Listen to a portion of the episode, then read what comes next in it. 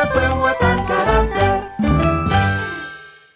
Wah, keren banget ya perpustakaan nasional. Aku baru pertama kali loh ke sini. Ternyata di sini nggak hanya menyimpan buku-buku bacaan, tetapi beberapa arsip nasional juga tersimpan rapi loh.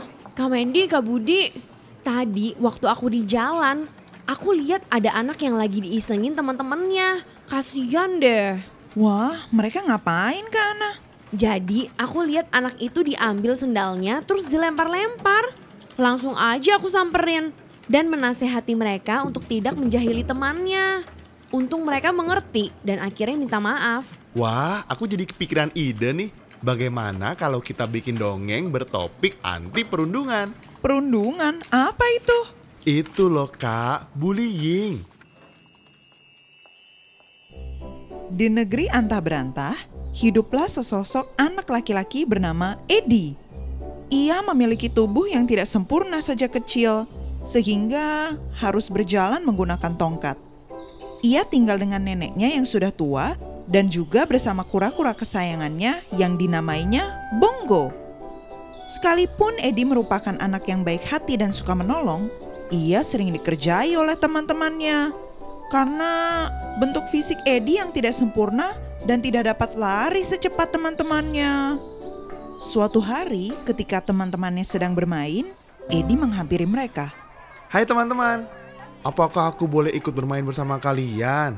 Hei Edi, mana bisa kamu ikut main? Kamu aja jalan menggunakan tongkat. Sanggup kamu mengejar kami? Ayolah, izinkan aku bermain sekali saja dengan kalian. Setiap kali, aku hanya melihat kalian saja dari jauh. Ih, udah pergi sana. Jangan ganggu kami main. Coba dulu belajar lari tanpa tongkat, baru kamu bisa bermain bersama kami. Iya, sana-sana pergi. Yuk kita main lagi. Edi kembali ke rumahnya dengan perasaan sedih. Ia hanya memiliki kura-kura peliharaannya yang selalu ia ajak bicara. Bongo, bongo. Memangnya aku salah ya kalau aku cacat? Aku kan juga nggak mau terlahir cacat. Dari kecil aku selalu hidup sendiri. Aku nggak punya teman. Tapi untung aku punya kamu yang selalu aku bisa ajak bicara. Aku mengerti, Edi. Hah? Kak, kak, kamu bisa bicara? Apakah itu benar kamu? Dari kecil, aku selalu di sini melihatmu menangis setiap kali pulang dari bermain. Aku tidak tega, Edi. Aku ingin menemanimu ngobrol. Ah, terima kasih Bongo. Kamu memang sahabat terbaikku. Edi, aku memiliki sesuatu yang bisa membantumu dalam bermain bersama teman-temanmu. Aku memiliki batu ajaib.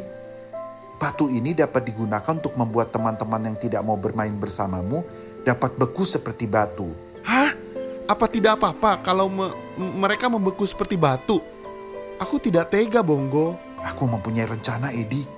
Percayalah, hal itu supaya kamu dapat bermain dengan mereka. Di suatu pagi, anak-anak tersebut melihat Edi sedang berjalan perlahan di lapangan bermain sambil memegang batu ajaib pemberian Bongo. Hai Edi, sedang apa kamu sendirian? Karena sendirian, kamu jadi main sama batu. Eh, em, eh, bukan. Yuk kita bermain bersama.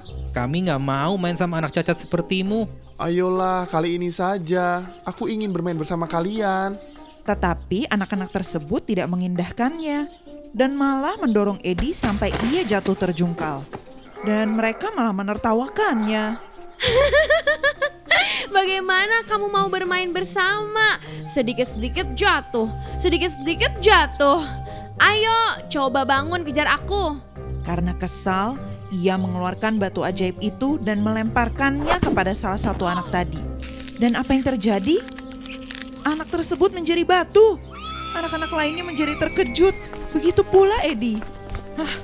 Apa yang terjadi? Ayo cepat kabur. Teman-teman, maafkan aku. Aku tidak sengaja. Keesokan harinya, Edi kembali menemui teman-temannya di tempat bermain untuk meminta maaf. Tetapi mereka tidak lagi ada di sana. Selama berminggu-minggu, ia menunggu teman-temannya, tetapi mereka tidak kunjung datang. Edi merasa kesepian karena ia kehilangan seluruh teman-temannya. Harusnya aku tidak melakukan hal itu terhadap teman-temanku. Sekarang, aku kehilangan mereka semua. Kemudian ia memanggil Bongo untuk menanyakan bagaimana cara mengembalikan Tina yang menjadi batu. Bongo, bagaimana caraku untuk mengembalikan Tina yang menjadi batu? Aku kesepian. Aku ingin melihat mereka lagi, Bongo. Edi, hal itu dapat terjadi apabila teman-temanmu datang dan meminta maaf kepadamu. Setelah mereka menyesali perbuatannya, barulah sihir batu itu akan menghilang. Tetapi Bongo, apakah mungkin hal itu terjadi? Mana mungkin mereka datang ke sini untuk meminta maaf? Tenang saja, Edi. Kamu hanya perlu menjadi teman baik buat mereka dan tidak membalas perbuatan jahat dengan kejahatan juga. Suatu hari, Edi sedang dalam perjalanan pulang dari sekolah dan melihat Dani berada di dekat sungai yang deras. Dari kejauhan, Edi melihat ada tangan yang melambai-lambai dari permukaan sungai dan ikut terseret aliran air. Tolong, tolonglah kami. Edi sontak langsung lari ke arahnya dan menawarkan pertolongan. Apa? Apa yang terjadi? Kami sedang bermain dan tiba-tiba dia terpelincir jatuh. Bagaimana ini? Kalau Bayu terus terbawa arus ya bisa mati. Tenang, tenang. Aku ada ide. Lalu Edi bergegas menuju ke arah Bayu yang terseret arus deras, lalu merebahkan diri di dekatnya. Ia menawarkan tongkatnya ke arah tangan temannya agar dapat ditarik menuju ke daratan. Bayu meraih tongkat tersebut dan menariknya. Edi berusaha sekuat tenaga menariknya agar selamat. Kamu tidak apa-apa? Edi, terima kasih banyak. Kamu telah menyelamatkanku. Iya, kamu tetap menolong kita meskipun kita jahat kepadamu. Edi, maafkan kami ya. Kami dengan sengaja mengganggumu dan tidak mau bermain bersamamu. Padahal kamu sangat baik terhadap kami. Iya, Edi. Maukah kamu maafkan kami? Dan maafkan juga Tina ya. Aku sudah memaafkan kalian semua. Maafkan aku juga, karena aku telah marah dan mengubah Tina menjadi batu. Seketika itu juga, Tina kembali berubah menjadi anak normal tepat setelah mereka saling memaafkan. Kemudian Edi segera menghampiri Tina dan meminta maaf. Tina, maafkan aku ya. Aku sangat menyesal telah membuatmu menjadi batu. Aku berjanji tidak akan lagi melakukannya. Maafkan aku juga ya Edi. Aku selalu mengganggu dan menghinamu. Padahal kamu sangat baik terhadap kami. Aku berjanji mulai sekarang tidak akan mengganggu atau mengucilkan teman-teman lainnya. Mulai sekarang kita harus selalu bermain bersama ya, Edi. Kamu sahabat yang baik, Edi. Terima kasih. Setelah mereka saling memaafkan, mereka akhirnya menjadi sahabat yang baik dan selalu bermain bersama-sama. Alangkah baiknya apabila kita semua dapat bermain bersama tanpa ada yang saling menghina dan menjatuhkan satu sama lain. Bagus sekali ceritanya Kak Budi. Aku setuju. Pertemanan itu alangkah baiknya kalau kita bisa menghargai perbedaan dengan teman kita. Dan bukannya melakukan perundungan seperti memukul, apalagi menghina. Iya, kita kan nggak tahu bahwa perundungan itu bisa membuat teman-teman kita menjadi sedih dan terluka hatinya. Bener banget. Dan kalaupun kita yang mengalami perundungan seperti dihina, dipukul ataupun dikucilkan, kita tetap harus baik dengan semua orang. Melalui cerita ini kita bisa belajar banyak dari Edi loh. Sekalipun ia dirundung oleh teman-temannya, ia tetap berbuat baik, bahkan menolong ketika Dani dan Bayu mengalami kesulitan. Tapi selain itu, kisah ini sangat membekas buatku loh, Kak Ana, Kak Mendy. Memangnya Kak Budi pernah mengalami perundungan ya waktu kecil? Bukan sih, tapi aku juga suka pelihara kura-kura kayak si Bongo ini. Semoga kelak kura-kuraku bisa bicara juga ya.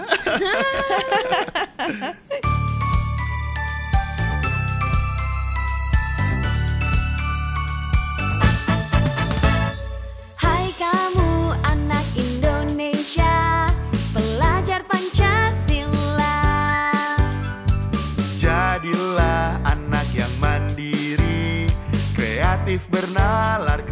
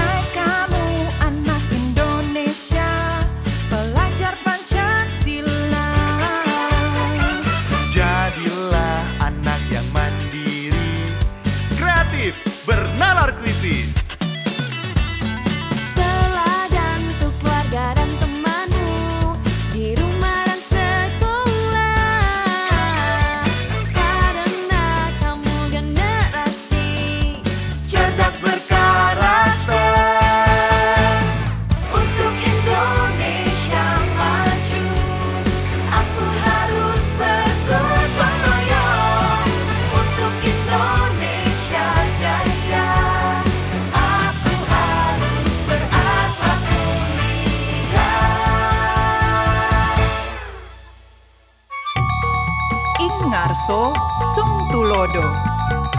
Ing Madya Mangun Karso. Tutmuri Handayani Ki Hajar Dewantara